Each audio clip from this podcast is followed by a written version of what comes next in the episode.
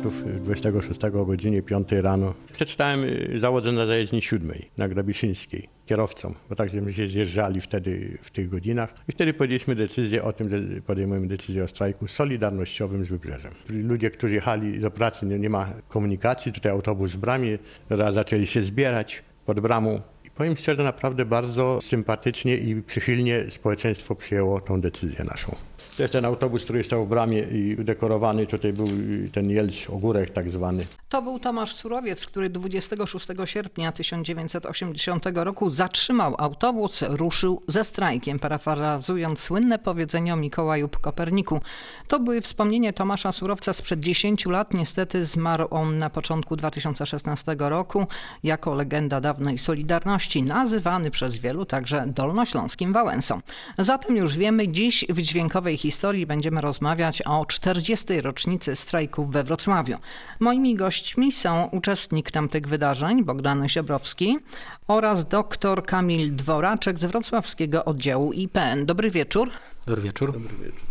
Za stołem realizatorskim Dominik Otręba, przed mikrofonem Alicja Mikłaszewicz. Towarzyszyć nam będą nasze archiwalne nagrania zgromadzone na stronie tu.prw.pl. Jak pan wspomina, zwracam się do pana Bogdana Ziobrowskiego, który do zajezdni przy ulicy Grabiszyńskiej dotarł kilka godzin po rozpoczęciu strajku. Był pan wówczas kierowcą PKS-u. Tak, byłem kierowcą PKS-u i rano o godzinie 6 przyjechałem do Wrocławia autobusem, zjeżdżałem na swoją zajezdnię. W międzyczasie spotkałem się z kierowcą z MPK, który mnie poinformował w jednym zdaniu, że oni zjeżdżają na zajezdnię, będą strajkować. Ja przyjechałem na swoją bazę i zainteresowało mnie to, więc udałem się, zostawiłem autobus, udałem się z jednym z kolegów samochodem osobowym na Grabiszyńską, żeby się dowiedzieć, o co tu chodzi. No więc i przyjechałem i do, dowiedziałem się, że oni, tak jak Tomek Surowiec mówił, że się solidaryzują z Wybrzeżem i będą strajkować. I z zajezdni numer 7 przy Grabiszyńskiej wrócił pan do swojej bazy PKS-u. Kupił pan łańcuch, kłódkę. Po co to panu było? Tak, wróciłem do PKS-u, poinformowałem właśnie mechaników i kierowców, którzy byli na bazie na ulicy Kościuszki, że taka jest sytuacja i uważam, że powinniśmy też się do tego przyłączyć. No więc kilku kolegów mnie wspomogło w tej sprawie. Zamknęliśmy bramę wyjazdową, bo tam było, brama wyjazdowa była w innym miejscu, a wyjazdowa w innym miejscu. Zamknęliśmy tą bramę, ale niestety pan dyrektor zszedł, kazał ochronie tą bramę otworzyć i dlatego podjęliśmy decyzję, że pójdziemy do sklepu na kawałeczek dalej, na róg metalowego, kupimy łańcuch, kłódkę, zamknęliśmy tą bramę, owinęli tym łańcuchem kłódkę, założyli kluczyki, żeby nie było problemu, wyrzuciliśmy do studzienki i po prostu tak to się zaczęło. To posłuchajmy dłuższego fragmentu rozmowy z Tomaszem Surowcem.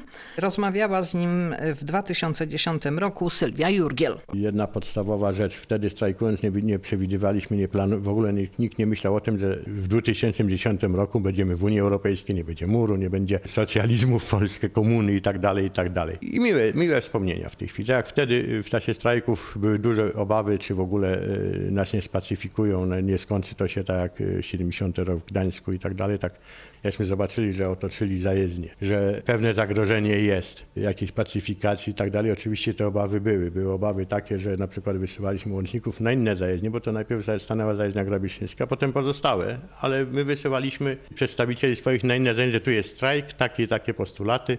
Byli zatrzymywani, byli, nie, niektórzy nie dojechali do tych, do tych innych obiektów, bo to było osiem obiektów na terenie Wrocławia w różnych rejonach. Błyskawicznie to rozeszło po, po Wrocławiu bo wiadomo, jedna zajezdnia wyjechała, Grabiszyńska, dosyć ulica ruchliwa, wtedy było masa zakładów, Fadroma, Hutman, Elwro, tutaj FAD był i, i tak dalej i ci ludzie, którzy jechali do pracy, nie, nie ma komunikacji, tutaj autobus w bramie, zaczęli się zbierać pod bramą i powiem szczerze, naprawdę bardzo sympatycznie i przychylnie społeczeństwo przyjęło tą decyzję naszą. Są takie zdjęcia, jak ludzie stoją pod bramami przy Grabiszyńskiej. Mam, mam te zdjęcia nawet tutaj, mogę pan, mogę, może pan sobie przejrzeć. To są z, z Grabiszyńskiej. Autobus są- i Solidarność. Tak. To jest ten autobus, który stał w bramie i udekorowany. Tutaj był ten Jelcz Ogórek tak zwany, udekorowany. Tutaj był na, na Grabiszyńskiej, jak ta stacja to było 21 postulatów, 21 razy tak dla postulatów gdańskich. No i tutaj te tłumy pod zajezdnią. No proszę, cała Grabiszyńska, bo to odgrodzeni byliśmy, no jak płot jest, nie? Mieszkańcy stali po drugiej stronie płotu, no bo nie było możliwości wpuszczenia, bo nie wiadomo było, kto wejdzie co, i kto nam, kto nam tam nie przeszkodzi, nie na nas rabia. Ci ludzie stali pod bramami, ale to też było tak, że oni pomagali, oni przynosili, nie wiem, jedzenie. Oczywiście, no wtedy, wtedy wiadomo był kryzys. Na rynku nie było y, żywności, sklep puste półki, ocet, jak popularnie się mówi, ocet na półkach, tylko stał, myśmy byli, powiem szczerze, bardzo dobrze zaopatrzeni przez społeczeństwo w pieczywo, w żywność, w koce, w jakieś materace, we wszystko, co tylko potrzebne było niezbędne nam do strajkowania. I to nie to, żeśmy prosili, ludzie sami przynosili. Piekarze przywozili pieczywo, gdzieś tam zakłady mięsne, jakieś y, wędliny i tak dalej, ale my wtedy naprawdę lepiej, lepiej mieliśmy, byliśmy zaopatrzeni jak wrocławianie poza płotem zajezdni. Pierwsze strajki w 1980 roku miały miejsce w Świdniku i Lublinie już w połowie lipca, stąd określenie lubelski lipiec, a pierwsze protestacyjne przestoje w tym regionie miały miejsce wiosną 1980 roku. Później te strajki, przestoje, demonstracje, protesty rozciągnęły się, rozprzestrzeniły się na okoliczne regiony. Jednak najważniejszy strajk rozpoczęły Wolne Związki Zawodowe Wybrzeża 14 sierpnia w Stoczni Gdańskiej. Wrocław przyłącza się dopiero 26 sierpnia, kiedy Stocznia Gdańska strajkuje już od 12 dni. Dlaczego, pan doktor? Więc dobrze, że tutaj zwracamy uwagę na, na znaczenie tego 26 sierpnia i, i strajku na Dolnym Śląsku, ale, ale faktycznie może warto też wrócić do, do wydarzeń z, z lipca i też oczywiście sierpnia 80 roku, bo jeśli mówimy o lipcu 80 roku, Czyli te, to pierwsza fala strajkowa spowodowana przede wszystkim no, złą sytuacją na rynku, pogarszającą się stopą życiową Polaków, która pchnęła y, robotników do, do, do protestów, jak się wówczas mówiło, do przestojów. Tam zaspawali tory? Tam poustawiano, właśnie to jest też istotny epizod tego strajku, gdyż przyłączyli się do niego kolejarze z węzła lubelskiego i to jest właściwie jedyny strajk kolejarzy w, w tamtym czasie na taką skalę i zablokowano cały węzeł lubelski. Faktycznie mówiło się o przyspawaniu lokomotywy do, do torów, ale faktycznie z tego, co ja przynajmniej się, się dowiedziałem, to y, lokomotywami po prostu zablokowano torowiska i to uniemożliwiło ruch i nawet Ale chodziło o to, żeby towary nasze nie pojechały do Związku Radzieckiego. Tak, chodziło między innymi chodziło o to po prostu, żeby zablokować węzeł, żeby zatrzymać ruch pociągów. I faktycznie to się, to się tam udało i to był jedyny taki epizod w, w, lecie 80 roku i w ogóle przez cały okres e, lat 80 w zasadzie. I nawet Gierek na jednym z posiedzeniu y, biura politycznego y, odniósł się do tego, mówiąc, że właśnie najgroźniejszy jest strajk kolejarzy, gdyż towarzysze z, Moskwy mają już o to pretensje, że, że właśnie to utrudnia tutaj ruch tranzytowy przez Polskę. To Ale- wróćmy do tego pytania. Dlaczego tak późno stolica Dolnego No Śląska dołączyła do strajku? No więc można sobie zadać pytanie, czy to, czy, czy to późno, czy nie późno. Fakt jest taki, że dopiero tak naprawdę 16 sierpnia, czyli dwa dni po wybuchu strajku w Stoczni Gdańskiej, ten strajk nabrał takiego charakteru ponadzakładowego, y, bo, bo wówczas dyrekcja Stoczni Gdańskiej dogadała się ze strajkującymi, ale strajkujący zostali w stoczni, słynne sceny, kiedy kobiety zatrzymują tych wychodzących y, robotników, po to właśnie, żeby nie zostawić samych sobie tych innych strajków, które w międzyczasie już zaczęły się solidaryzować ze stocznią. To były głównie strajki na wybrzeżu. Więc to była fala, która po prostu stopniowo się rozprzestrzeniała i tak naprawdę 26 sierpnia doszło do pierwszego strajku solidarnościowego poza wybrzeżem. I tu Wrocław, tu zajezdnia właśnie e, no, ma tą palmę pierwszeństwa i Kornel Morawiecki nawet użył takiego trafnego porównania, mówiąc, że 26 sierpnia ten wiatr, który gdzieś tam wiał na wybrzeżu, zamienił się w wichurę, która wiała nad całym krajem. I faktycznie, jak przyjrzymy się kalendarium strajkowego, to ten 26 sierpnia jest datą przełomową i, i później coraz co kolejne zakłady, nie tylko na samym Dolnym Śląsku, ale też w całej Polsce przyłączają się do protestów solidarnościowych z Gdańskiem. Tego samego dnia, kiedy rozpoczął się strajk w zajezdni, zaczynały stawać także zakłady, które mieściły się przy ulicy Grabiszyńskiej, prawda? A było ich bardzo dużo wtedy. Zgadza się, nie tylko tu jeszcze trzeba wspomnieć o Stoczni Rzecz, Wrocławskiej Stoczni Rzecznej, Tak, która tak, też tak. bardzo szybko przyłączyła się To posłuchajmy, jak 18 sierpnia, cztery dni od rozpoczęcia strajku w Gdańsku, przemawiał pierwszy sekretarz KCPZPR Edward Gierek. Szanowni obywatele, rodacy, wydarzenia ostatnich tygodni, a zwłaszcza ostatnich dni, przejmują nas wszystkich głęboką troską.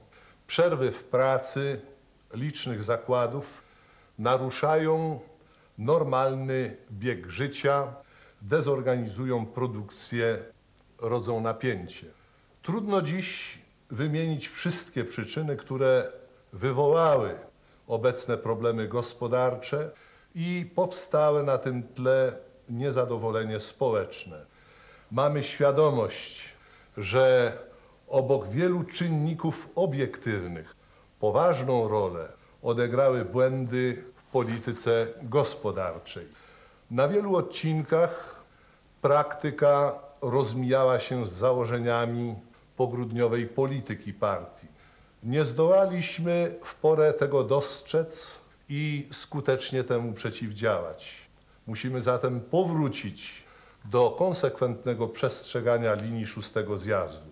Rozumiemy zmęczenie i zniecierpliwienie ludzi pracy kłopotami dnia codziennego, niedostatkami w zaopatrzeniu, kolejkami przed sklepami, wzrostem kosztów utrzymania, nierytmicznością dostaw surowców i materiałów, brakiem postępu w organizacji produkcji i życia zbiorowego. Ale strajki nic tu nie zmieniają na lepsze.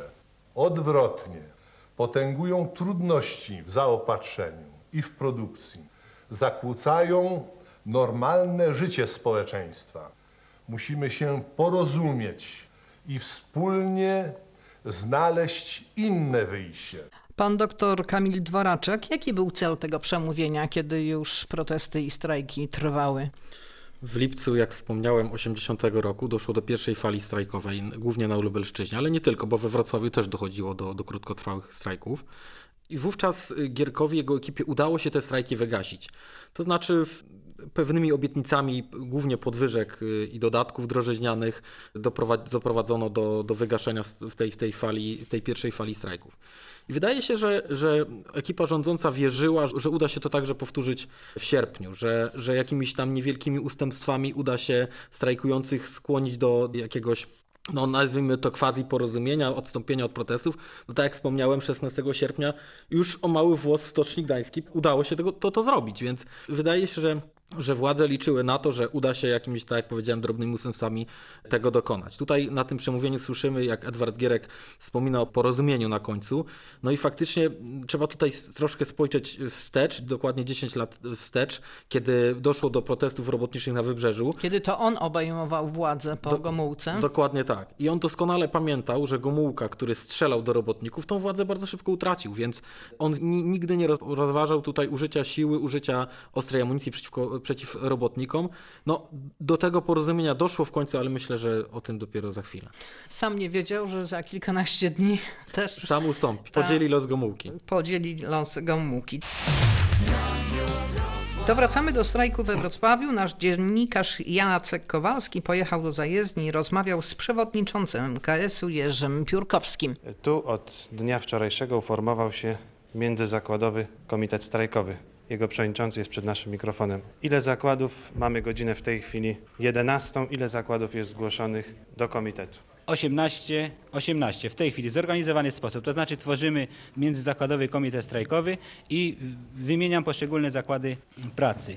PKS, MPK, jak wiadomo, Stocznia Rzeczna, EC2, Elektrociepłownia, tak? to jest w budowie. To nie tylko na ulicy Łowieckiej, ale też ele- elektrociepłownia Ciechnica, też w budowie. Przedsiębiorstwo budownictwa inżynierii miejskiej, tak? Hutmen, Transbud 2, Aleja Pracy, Fadroma, PRI, ulica Muchobolska, Elwro, Łączność, Polam, Żegluga na Odrze, taksówkarze prywatni i państwowi, studenci. Proszę powiedzieć, jaki charakter mają te strajki? Strajki mają charakter solidarnościowy w pełnym tego słowa znaczeniu i strajki na ogół mają e, charakter, jeśli chodzi o formę e, strajku, strajków okupacyjnych. Tylko te zakłady, które pracują na jedną zmianę, mają charakter strajków, tak zwanych strajków wartowniczych. To znaczy ludzie przychodzą do pracy i nie podejmują pracy, pilnując tylko porządku i sprzętu przed jakimiś, prawda, zakłóceniami czy zniszczeniami sprzętu. Powołano specjalne służby porządkowe. Proszę o nich coś powiedzieć. Strukturą naszego strajku, jako ogólnie rzecz biorąc, jest przede wszystkim porządek i ład. Nie ma żadnego alkoholu. Każdy zakład, który się z nami solidaryzował, w sensie solidaryzacji z Wybrzeżem, jest y, ściśle podporządkowany jednemu, jednemu regulaminowi, więc komitety strajkowe mają zorganizowane w ten sposób, że komitety strajkowe zapewniły ludziom wyżywienie, porządek przede wszystkim, w sposób taki, no, jak to się powiedzieć, wzorowy, ludzie samorzutnie się do tych rzeczy zgłaszają. Mamy zorganizowany sposób łączności pomiędzy tymi zakładami po, za pomocą łączników, ewentualnie jeżeli nie ma blokady, to telefoniczny. Jeżeli chodzi o zaopatrzenie, no to w podstołówkach te zakłady, jak już wspomniałem, które pracują na jedną zmianę i mają tylko strajk wartowniczy, strajkują w sensie tym, że stołują się później już na, własny, na własną rękę w domach. Czy Wrocławski Międzyzakładowy Komitet Strajkowy ma łączność z Gdańskiem, ze Szczecinem? Dobrze się składa, że pan redaktor się o to zapytał, dlatego że właśnie jednym z postulatów było odblokowanie właśnie łączności z Wybrzeżem i z krajem i do tej pory nie możemy się właśnie skomunikować. A jedyny odzew Gdańska, który właśnie jest, żeby wysyłać łączników, wysłaliśmy, można powiedzieć, że teraz już od nas, a konkretnie ze Stoczni Rzecznej delegacji ośmiu osób.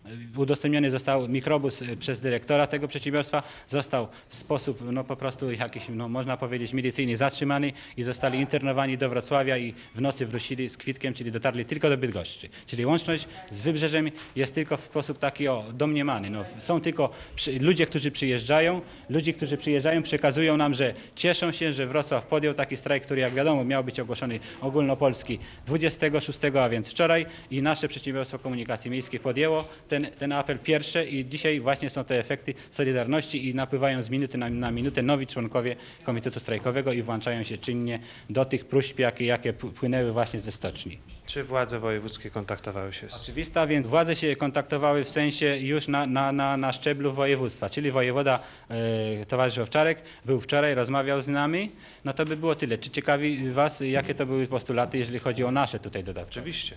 Więc oprócz tego dodatkowo, że, że to solidaryzujemy się bardzo mocno z Wybrzeżem i głównie nam tylko chodzi o to i jesteśmy w, w każdej chwili gotowi podjąć pracę, bo jak Wam już powiedziałem, panuje ład i porządek i sprzęt jest technicznie sprawny, żeby komunikację uruchomić.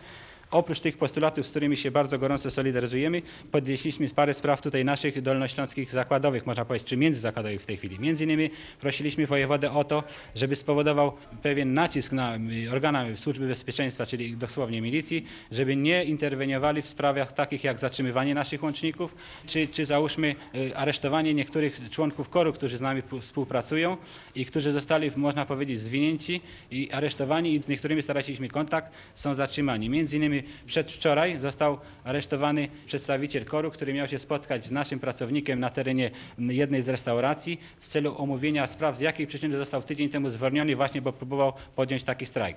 Ten człowiek nie doszedł, y, znaczy w restauracji został stworzony kocioł, został aresztowany i z wielki sucho nim zaginął. Do tej pory nie wiemy. Natomiast ten pracownik powiadomił nas, że mimo żeśmy już wtedy prosili, nie został z powrotem przywrócony do łask, czyli nie jest pracownikiem naszej komunikacji, a był to motorowiec z zajezdni drugiej. A po Wrocławiu gruchnęła wiadomość, że wojsko szykuje się na pobór. Bardzo ważna y, wiadomość z miasta. W tej chwili wrócił jeden z kierowców, który musiał wyjść na zajezdni ósmej.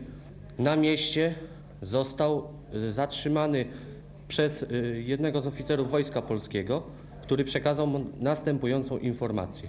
Jest planowane mężczyzn, kierowców, którzy są w rezerwie służby wojskowej, powołać do służby, do rezerwy, ubrać w mundury i podjąć sprzęt. Ósemka w związku z tym no, przekazuje tą wiadomość do prezydium Międzyzakładowego Komitetu Strajkowego celem podjęcia jakichś kroków i decyzji zabezpieczających, gdyby coś tak, do takiego czegoś doszło. Jest to na razie niepotwierdzona wiadomość. No oficjalnie nie jest potwierdzony. Ten oficer y, widocznie sumienie jego ruszyło. Miał możliwość przekazania takiej informacji powiedzmy przestrzegającej, że coś takiego się szykuje. To jest gwarancja, że to jest oficer. A, s- tak, a skąd wiecie właśnie, że to jest prawdziwe? Taką informację otrzymałem, jestem przedstawicielem zajezdni ósmej, taką informację otrzymałem, przekazuję do prezydium. To, co powinienem zrobić. Dziękuję, to wszystko. Zwracam się do uczestnika tamtych wydarzeń, pana Bogdana Ziobrowskiego. Jak reagowaliście na tę informację? Zaraz w pierwszym dniu była taka decyzja podjęta o tym, żeby się spotkać z wojewodą wrocławskim, panem Owczarkiem, no i do takiego spotkania doszło.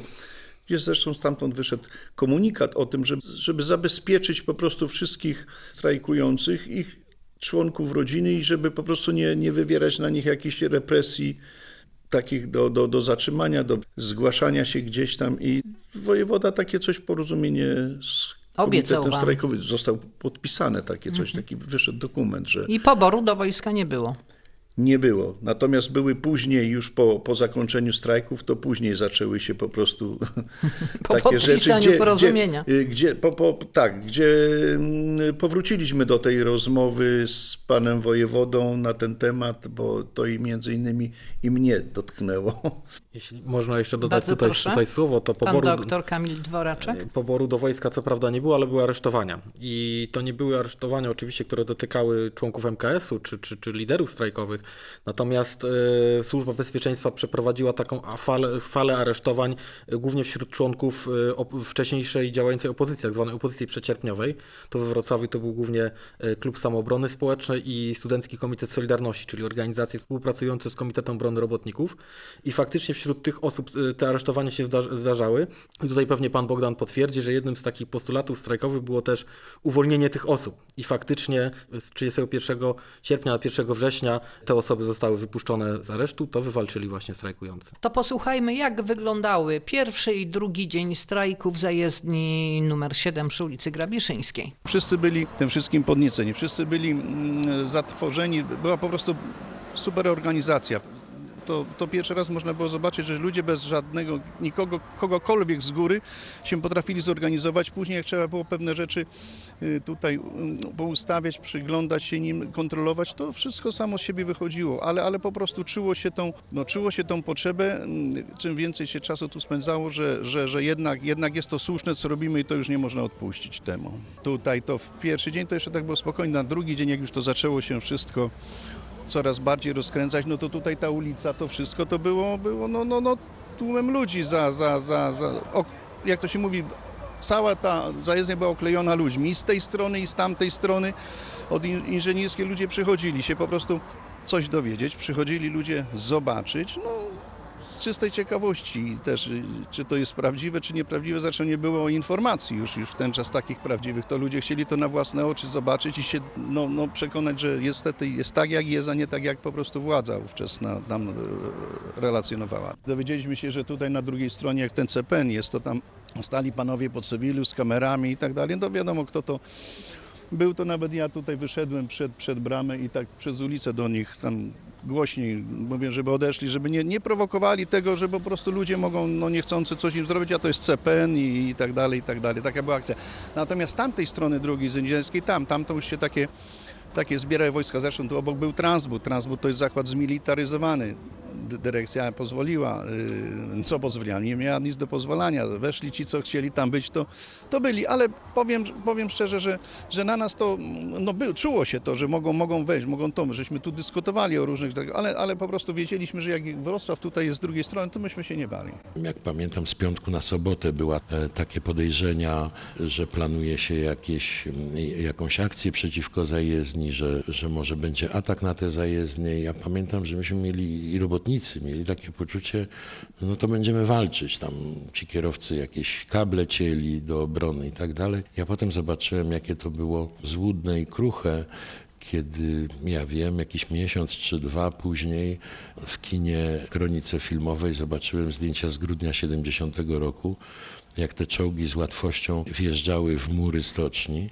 No i tu mnie oblał zimny pot rzeczywiście, bo zdałem sobie sprawę, że do rozjechania tego według nas wtedy bezpiecznego miejsca wystarczyłby jeden czołg, nie żadna kolumna pancerna, tylko jeden czołg by to e, e, załatwił. I mieliśmy e, również przekonanie, że to jest jakiś niesamowity historyczny przełom, dlatego że to, że komuniści nie zdecydowali się do nas strzelać, to to jest e, niebywale ważna zmiana, tak? I że to jest szansa dla Polski. Wydarzenia sprzed 40 lat wspominali Jarosław Broda i Bogusław Ziobrowski. Już słyszeliśmy, jak zakłady poszczególne y, przyłączały się do akcji, a niektóre instytucje także, choć nie mogły strajkować. Czy byli przedstawiciele służby zdrowia, którzy. Wojewódzkiego. Szpitala Wojewódzkiego, którzy odczytają może swoją deklarację. Dnia 28.08.1980 roku odbyło się posiedzenie Zespołu Ludzi Dobrej Woli Wojewódzkiego Szpitala Zespolonego imieniem Babińskiego we Wrocławiu dla poparcia żądań uzdrowienia życia społeczno-ekonomicznego w Polsce. Solidaryzujemy się z robotnikami Wybrzeża, Wrocławia i całej Polski. Popieramy w całej rozciągłości ich słuszne postulaty i w tym celu wywieszamy flagę o barwach narodowych i, transparent o treści. Popieramy słuszne żądania robotników. Powyższe rezolucje podajemy do wiadomości. MKS Wrocław, Dyrekcja Szpitala, Rada Zakładowa.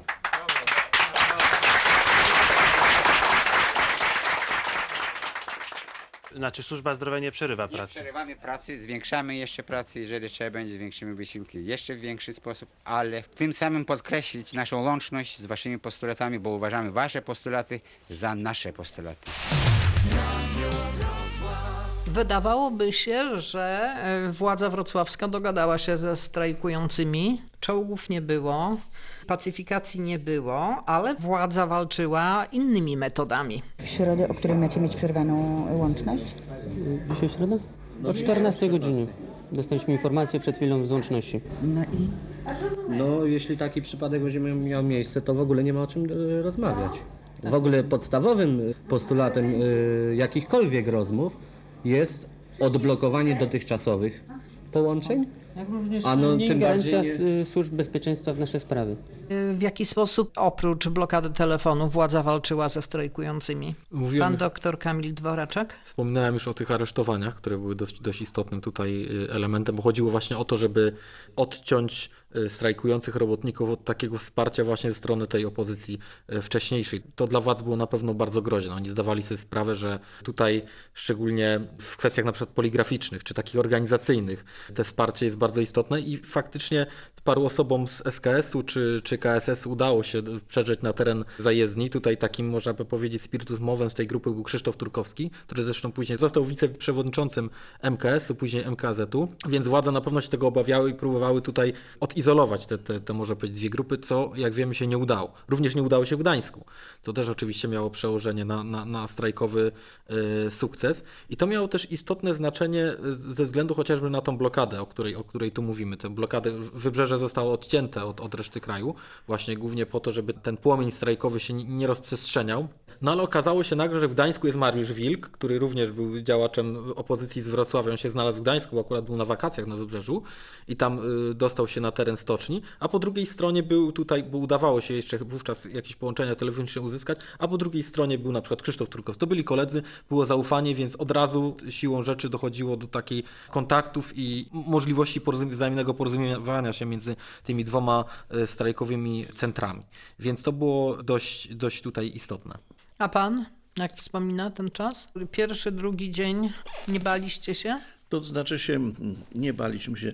Każdy wewnątrz miał jakąś takie, takie obawy, takie przemyślenia, ale jeżeli to wszystko nabierało takiego rozpędu, ró- różne trzeba było decyzje no, podejmować, czy z tym, z tamtym rozmawiać, coś robić, to ten strach w nas nie, nie funkcjonował tak bardzo. A Chyba nie zdawaliście sobie do końca no nie zdawaliśmy sprawy. sobie sprawy z tego. z tego Oczywiście, wyjdzie. że nawet jakby do, dotarły do nas informacje, że gdzieś tam ludzie mówią, że zauważyli, że od, od, od strony drugiej jakieś są, są ruchy, jakieś samochody przyjeżdżają, odjeżdżają to czy tamto i tak się mówiło, czy, czy czasem nie będzie jakieś uderzenie. To prawdę powiedziawszy, to myśmy byli bardzo spokojni, bez, bez nie mówię o pre, prezydium, wszystkich ludziach i tych nawet pracownikach z ósmej zajezdni, których byliśmy, że to był spokój, bo zaczęliśmy sobie zdawać sprawę, że masa ludzi stoi od tego, jakby oni uderzyli tu na nas, no to i, i też by na Tych ludzi na stojących tych ludzi pod bramą i stojących, wokół oczywiście, że tak. I to nas troszeczkę, tysiące. to nas troszeczkę podbudowało co do tej kwestii, że może do takiego czegoś nie dojść. No ale troszeczkę też nas, oczywiście to mogła być zmyłka, co nam przyobiecał wojewoda. No to posłuchajmy, tak? Na pewno jeszcze trzeba dodać, że aktywni byli tajni współpracownicy służb bezpie- bezpieczeństwa. No niestety materiałów operacyjnych na ten temat zachowało się bardzo niewiele, więc mamy nie- niewielkie rozeznanie w tym temacie, ale można zakładać, że te, tego typu prowokacje czy plotki też były rozpuszczane e, przez tajnych współpracowników, chociażby po to, żeby osłabić ducha strajkujących, chociażby po to, żeby podzielić, wzbudzać jakieś, jakieś Wątpliwości, wątpliwości jałowe dyskusje. Tak, więc, więc jestem przekonany, że tego typu działań operacyjnych było bardzo, bardzo wiele, no ale no niestety tutaj stan zachowania dokumentacji nie pozwala też mówić konkretnie, Konkretnie. o jakichś tam y, działaniach. Czyli SBC wszystko zniszczyli. No prawie Prawie wszystko. To posłuchajmy, jak relacjonowały kolejny dzień strajków zajezdni nasze reporterki Agnieszka Kocot i Monika Klubińska. Środa, godzina 20. Międzyzakładowy Komitet Strajkowy wydał biuletyn numer jeden, członek Międzyzakładowego Komitetu Strajkowego.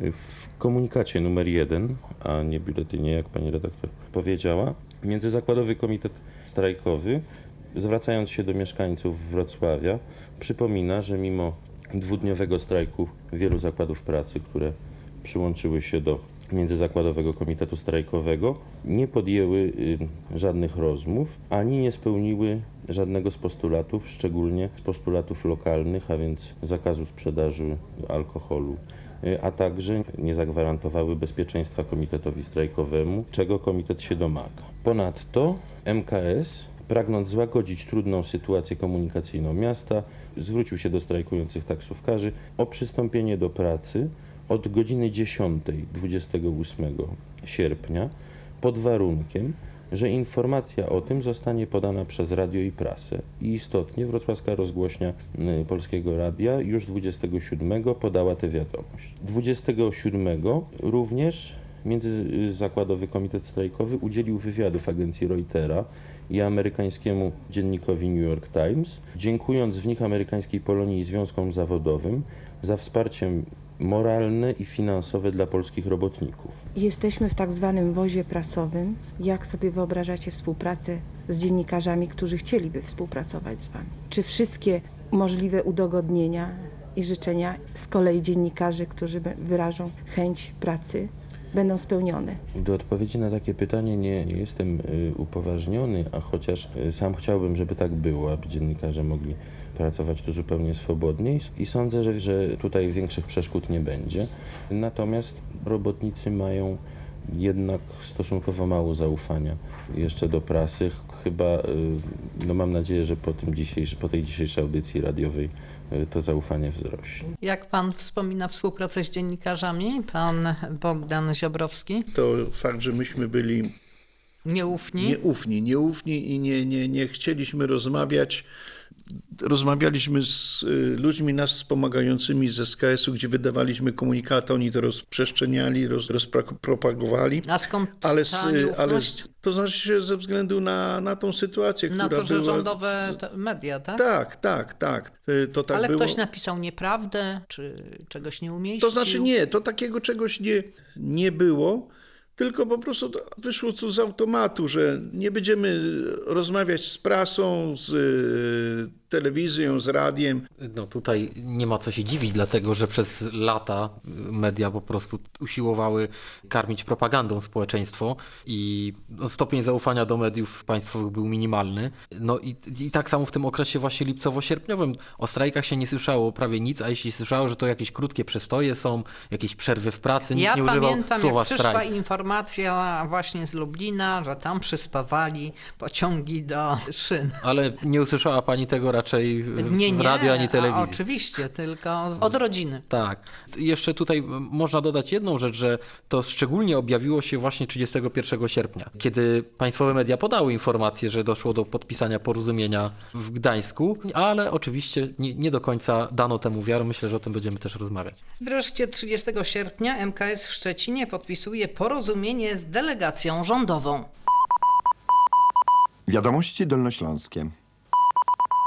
W godzinach rannych Komisja Rządowa w Szczecinie osiągnęła porozumienie w sprawie postulatów robotniczych i zakończenia strajku. W godzinach popołudniowych zakończyło się wspólne posiedzenie Komisji Rządowej z Międzyzakładowym Komitetem Strajkowym w Gdańsku, na którym parafowano porozumienie dotyczące pierwszych dwóch punktów z listy postulatów robotniczych. Uzgodniono, że kolejne spotkanie Komisji Rządowej z Prezydium MKS w Gdańsku odbędzie się w dniu dzisiejszym w godzinach wieczornych. To ze Szczecina przenieśmy się do Gdańska. Podpisane zostało porozumienie między Komisją Rządową a przedstawicielami strajkujących załóg Gdańska. W godzinach wieczornych do siedziby Wrocławskiego Międzyzakładowego Komitetu Strajkowego mieszczącego się w zajezdni MPK przy ulicy Grabiszyńskiej przybył wojewoda wrocławski, prezydent miasta Wrocławia Janusz Owczarek. Po spotkaniu z przedstawicielami strajkujących podpisał dokument gwarantujący pełne bezpieczeństwo strajkującym i członkom ich rodzin. A co robią strajkujący? A straj- Pan Bogdan Siobrowski? A strajkujący Nie wierzą tym komunikatom. nie wierzą i nie wierzą w to, co ówczesna władza mówiła i, i ja- jakie informacje wychodziły w ich środkach przekazu, więc MKS wrocławski zdecydował się wysłać swoją delegację do Gdańska. To posłuchajmy tej opowieści. To wyszło wszystko z tego, że Szczecin podpisał wcześniej porozumienie. A myśmy się solidaryzowali z Gdańskiem. I wyszła sprawa, że my podjęliśmy decyzję, że my nie ruszymy do pracy, póki nie będziemy mieli kopii porozumienia, bo nie wiemy, czy to będzie prawdziwe, nieprawdziwe i tak dalej. I wyjechała wcześniej grupa, ale grupa nie dotarła, bo została gdzieś zdjęta. No i myśmy się tutaj zorganizowali z Hubertem Hanusiakiem, z Tośkiem Skinderem i taki kolega już nie wiem, on miał Skodę Oktawię, taką starą, rozklekotaną Skodę. Mówi, słuchajcie, nas tą Skodą to nikt nie zatrzyma. I spróbowaliśmy. I ja mówię jako wiceprzewodniczący MKS-u, Piórkowski, to mi chłopaki wytypowali, żeby jechać. No i pojechaliśmy do tego Gdańska. Dostarliśmy 31 w trakcie podpisywania porozumienia do Gdańska. Doszliśmy do stoczni i ja tam miałem no, takie przez nas wystawione, że my jesteśmy przedstawicielami Dolnego Śląska, Wrocławia, tak. I, no i oni tam nas puścili, akurat poznaliśmy tam Bogdana Lisa, zaprowadzili nas na salę bezpośrednio do Lecha Wałęsy, do Anki Walentynowicz, no i ja przedstawiłem sprawę, że jest tego. No to Wałęsa nawet się troszkę oburzy, mówię, co to wy jakieś łami strajki, jak kończymy, to kończymy. Ja mówię, kończymy, tylko że po prostu przedstawiłem sytuację, że my nie solidaryzujemy się ze Szczecinem, tylko z Gdańskim i po prostu chcemy mieć jedną kopię tego porozumienia i oni nam po prostu to skserowanie, nawet nie kserowali, chyba odbijali, bo to to tam nie było jeszcze takiej techniki i pani Ania Walentynowicz podpisała nam to za zgodą z oryginałem, no i był problem, jak my tu wrócimy, żeby wrócić, żeby pierwszego iść do pracy, tak jak Wałęsa podpisał to z stroną rządową, że pierwszego przystępujemy do pracy. No to więc była pierw sytuacja taka, że rozmawiali gdzieś tam, że może helikopterem byśmy się dostali, ale od, zostało to wykluczone ze względu na mm, ruchy wojsk i tak dalej, to, to, to, to było niebezpieczne, więc wojewoda gdański, pan Kołodziejczyk chyba, w ten czas dał nam mm, swój samochód służbowy z kierowcą Fiata i po prostu, jak to się mówi, żelazny list i żebyśmy jechali, mieliśmy to było pewne, że nas nikt nie dłużej nie zatrzyma. No oczywiście zatrzymali nas, ale od razu pokazywaliśmy, że mamy takie coś, glejt i, i jedziemy. No i zdążyliśmy, ten kierowca zrobił wszystko. No my byśmy nie byli w stanie mu pomóc jako tam kierowcy, bo byliśmy już wy, wyczerpani tymi strajkami i niepewni byliśmy, czy poprowadzimy samochód. On przyjechał, tak jak przyjechał, myśmy tu na zajezdnie wjechali o 4 rano, myśmy wsiedli, a chłopak jak siedział za kierownicą, tak zasnął i przekazałem to porozumienie mm, Piórkowskiemu, zarządowi, no i Piórkowski odczytał, że przyjechaliśmy, że jest porozumienie i po prostu kończymy strajk, E, 31 sierpnia 1980 roku w sali BHP Stoczni Gdańskiej zostało podpisane porozumienie pomiędzy MKS-em, reprezentującym ponad 700 zakładów oraz delegacją rządową. Kwestią sporną było zwolnienie więźniów politycznych, czego domagał się Lech Wałęsa. Wicepremier Jagielski ostatecznie wyraził zgodę na pisemne gwarancje zwolnienia więźniów. Jak to było zrealizowane? Wywiązał się rząd z tej obietnicy? Tak, tak, wywiązał się faktycznie, tak jak już wcześniej wspomniałem o tych aresztowaniach, oczywiście one nie miały miejsca wyłącznie we Wrocławiu, ale tak naprawdę w całej Polsce, Mhm. bo to były odgórne po, po prostu wytyczne i w, w wielu miastach opozycjoniści byli, byli aresztowani i niektórzy nawet dostali sankcje prokuratorskie, więc sprawa wyglądała poważnie. To nie było takie jak dotychczas tradycyjne zatrzymanie na 48 godzin, które tej sankcji nie wymagało. Tu już prokurator podjął pewne kroki i, i sprawa wyglądała poważnie, że, że tutaj służba bezpieczeństwa szykuje się do rozprawy w tej całej sytuacji takiej gorącej, do rozprawy z opozycjonistami i ma zamiar, czy, czy władze polityczne oczywiście musiały takie dyspozycje wydać. By, były takie plany, żeby oni zostali w więzieniu e, na dłużej, żeby ta izolacja trwała dłużej ze względu po prostu na tą sytuację, która wówczas się wytworzyła. Natomiast po podpisaniu 31 sierpnia, no tutaj te obietnice zostały wypełnione i te osoby, które zostały aresztowane w tej, w tej końcówce sierpnia e, były potem sukcesywnie z, z aresztów e, wypuszczane i oczywiście przyłączyły się do tworzenia niezależnych samorządnych związków zawodowych. I niebawem pan wicepremier Jagielski uciekł za granicę. To był już gwóźdź do trumny ówczesnej ekipy y, rządzącej oczywiście i w, stery władz przejęła już Nowa inna grupa. ekipa. Tak. No A to było- Edward Gierek w ogóle nie spodziewał się odwołania. Czekano na coś takiego, co by doprowadziło do tego, żeby zrezygnował i zasłabł ponoć, tak? Oficjalnie tak. Zresztą, Oficjalnie, a nieoficjalnie? Zresztą Jak badacze, co do czego tam się y, dokopali? Szczerze, szczerze powiedziawszy, nie znam szczegółów tutaj e, tej sprawy. Faktycznie Edward Gierek miał jakieś problemy zdrowotne, natomiast no, nie wierzę, że, że no przecież gdyby to było jakieś zasłabnięcie, a gdyby jego pozycja była mocna, przecież to nie, nie byłby powód, e, który doprowadzałby do jego usunięcia. No przecież A usunęli go, kiedy on był w E, szpitalu? tak. Przecież jak sp- spojrzymy wstecz, to wielu przywódców komunistycznych było usuwanych z swoich stanowisk z powodów mniej lub bardziej domniemanych problemów zdrowotnych. Tutaj po prostu zadziałał ten sam mechanizm. Zresztą Gomułka też przecież te, te podobne były historie. No i pierwszym sekretarzem KCPZPR został Stanisław Kania. I nadchodzi wreszcie upragniony dzień. Zajezdnia MPK przy ulicy Grabiszyńskiej we Wrocławiu. Godzina 5 minut 6. Trafiamy akurat na wiec.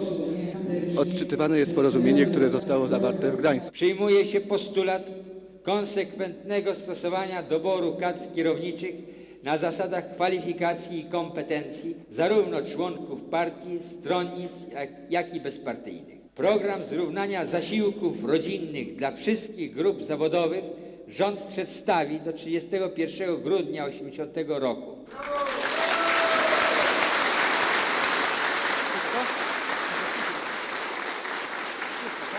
Głos teraz zabierze przewodniczący Międzyzakładowego Komitetu Strajkowego we Wrocławiu Jerzy Kurkowski. Wrocław dnia 1.9.1980 roku, godzina 4.00. Komunikat specjalny numer 6 Międzyzakładowego Komitetu Strajkowego we Wrocławiu. O godzinie 4 powróciła z Gdańska do Wrocławia specjalna delegacja Wrocławskiego Międzyzakładowego Komitetu Strajkowego, w składzie Bogdan Ziobrowski, Antoni Skinder, Hubert Hanusiak. Delegacja oficjalnie przedstawiła MKS-owi wyniki rozmów, które toczyły się w Gdańsku. Zgodnie z uprzednimi decyzjami MKS-u Dolny Śląsk powraca do pracy. Dzień 31.08.80 rok jest wielkim zwycięstwem polskiej klasy robotniczej. Jest zwycięstwem solidarności wszystkich pracujących Polaków. Nauki płynące z doświadczeń, doświadczeń sierpnia 1980 roku pozostaną głęboko w pamięci wszystkich Polaków. Międzyzakładowy Komitet Strajkowy we Wrocławiu.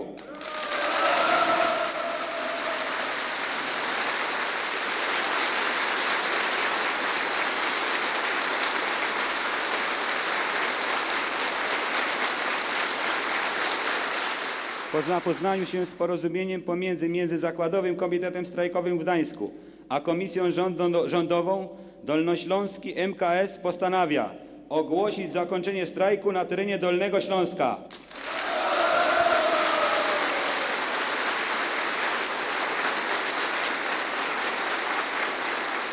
A więc koledzy, długo czekaliśmy na taką chwilę. Zaczynamy pracować. Lżej nam trochę na sercach. Najpierw ruszy nasza komunikacja miejska.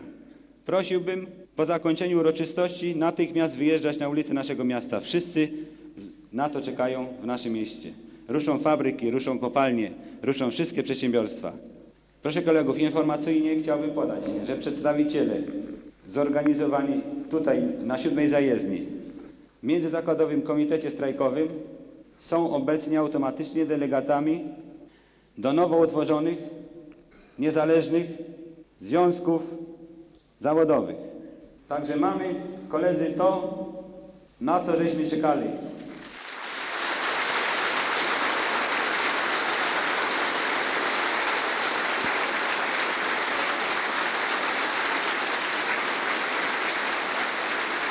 Wychodzimy z sali, gdzie dobiegają końca obrady Międzyzakładowego Komitetu Strajkowego. Wychodzimy na dziedziniec zajezdni, bowiem spodziewamy się, że już powinny wyjeżdżać pierwsze autobusy na wrocławskie trasy. Autobus linii A, Karłowice Oporów. Normalnie jedziecie? Dzień dobry. Pierwszy raz wyjeżdżamy na linię po szlajku. Normalnie na linię jak, jak co dzień. Zwykły dzień jak co dzień. Dobrej pracy. Dziękuję nawzajem. Na przystanki od razu. To już jest drugi autobus. W drodze do rozgłośni zatrzymaliśmy się przy zajezdni tuż przy ulicy Powstańców Śląskich. No oczywiście, słyszą Państwo, tramwaje wyjeżdżają. Zaczyna się normalny wrocławski dzień. To od nas, dla was. To dla Was się przede wszystkim należy. Dziękujemy bardzo. Co z punktu widzenia działacza ówczesnej opozycji, czyli pana Bogdana Ziobrowskiego i naukowca, pana doktora Kamila Dworaczka, zmieniło się po sierpniu 1980 roku? Zmieniło się prawie wszystko. Ja, ja w ogóle. A Jak, konkretnie? ja w ogóle jak e, opowiadam o, o tych czasach, to chyba można mówić o Polsce przedsierpniowej i posierpniowej. Polska posierpniowa była czymś, była zupełnie inną rzeczywistością i, i jak prze, przeprowadzam y, rozmowy czy wywiady z osobami, które wówczas były zaangażowane w te życie społeczno-polityczne, to bardzo często słyszę, że to był zupełnie inny świat, nowa rzeczywistość. To było takie tchnienie wolności w, tym, w systemie komunistycznym, bo do tej pory nie było takiej sytuacji, że powstaje zupełnie niezależna instytucja, i to mam na myśli Związek Zawodowy Solidarność, która daje oazę wolności. Wreszcie Która w szybkim czasie rośnie do... prawie 10 milionów, milionów. tak, e, przynajmniej szeregowych członków. Więc to była siła, z którą władza musiała e, się liczyć i, i, on, i Solidarność dawała tutaj tą oazę wolności. E, Dawała takie poczucie, że wreszcie można sprawy wziąć w swoje ręce i wreszcie coś zmienić, bo przecież przed sierpniem było bardzo wielu ludzi, którzy dostrzegali mankamentów wczesnego systemu, chcieli coś zmienić, ale nie mieli ku temu narzędzi. Bali się też, tak, bo, bo, to nie był, bo to nie był czas, żeby podnieść głowę. I ten czas właśnie nastąpił po sierpniu 80 roku. Wreszcie nastąpił ten czas, kiedy ci ludzie, którzy chcieli się zaangażować, dostali taką możliwość. Nie wymagało to już tak wielkiej odwagi, nie wiązało się z tym, że od razu byli, musieli się liczyć z tym, że pójdą do więzienia za tą działalność, no bo Solidarność była legalna. I to było też Tak. istotne że dla, dla wielu osób, przecież to jest działalność legalna. No, 13 grudnia 81, który jest epilogiem tej całej historii, okazało się, że władze troszkę inaczej to interpretowały, no i jednak to zaangażowanie często z tym wią- się łączyło. A pan Bogdan Ziobrowski, jakie miał refleksje po tym strajku?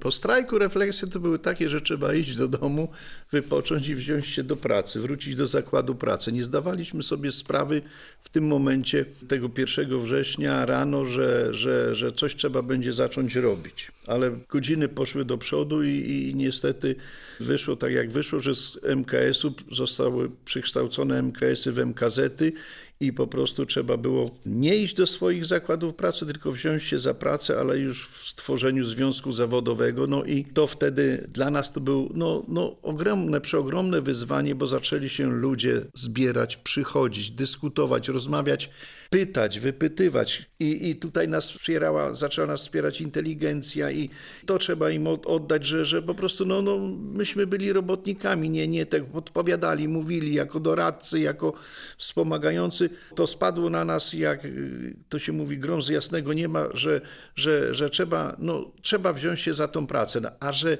że była ta iskierka nadziei, że coś, coś zmieni, że będzie, może będzie, będzie, będzie, będzie lepiej, to po prostuśmy się w to podwójnie zaangażowali, że, że no jak już zrobiliśmy jeden krok do przodu, to teraz trzeba robić drugi krok do przodu, następny i, i, i, to, było, i to było dla nas, no, no po, po dwóch, trzech dniach tego, tej organizacji, tam cośmy się zrobili, to, to zaczęło do nas docierać ci ludzie, co przychodzili, że to, że to trzeba, że to trzeba, że to no...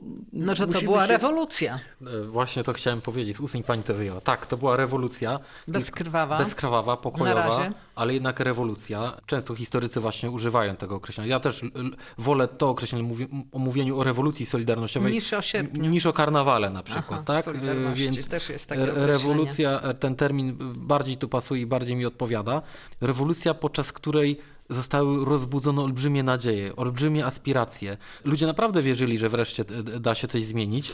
No i kiedy Ale władza już miała plany inne. Władza już zaczęła planować coś innego od jesieni 80 roku. Już wówczas zaczęto przygotowania do wprowadzenia stanu wyjątkowego, stanu wojennego i I ciąg... to też taką drogą pantoflową się rozchodziła. Tak, i szczególnie, szczególnie już jesienią 81 roku, kiedy te przygotowania już były y, pełną parą, to pewne przecieki do społeczeństwa trafiały, do samej Solidarności, stąd też słynna akcja podjęcia 80 milionów, między innymi.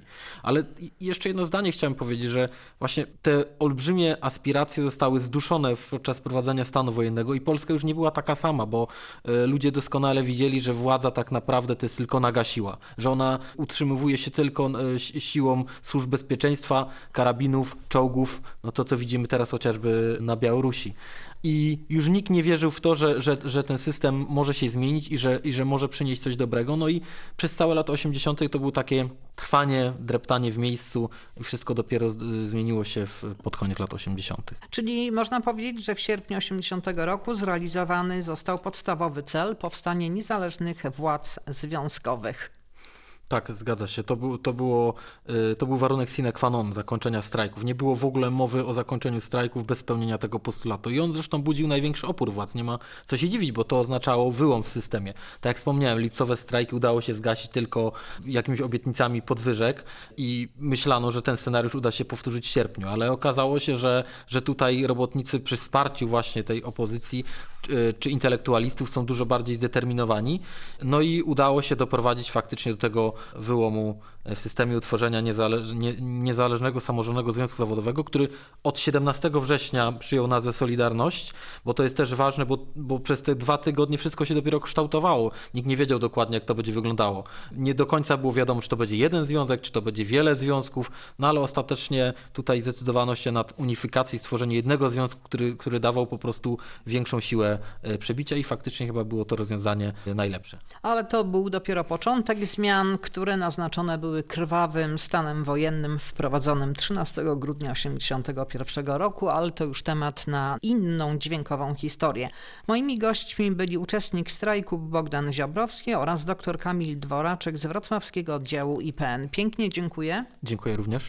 Dziękujemy. Audycję zrealizował Dominik Otręba, przygotowała Alicja Mikłaszewicz. Towarzyszyły nam archiwalne nagrania ze strony tu.prw.pl. Dziękuję, do usłyszenia za tydzień. Dobranoc.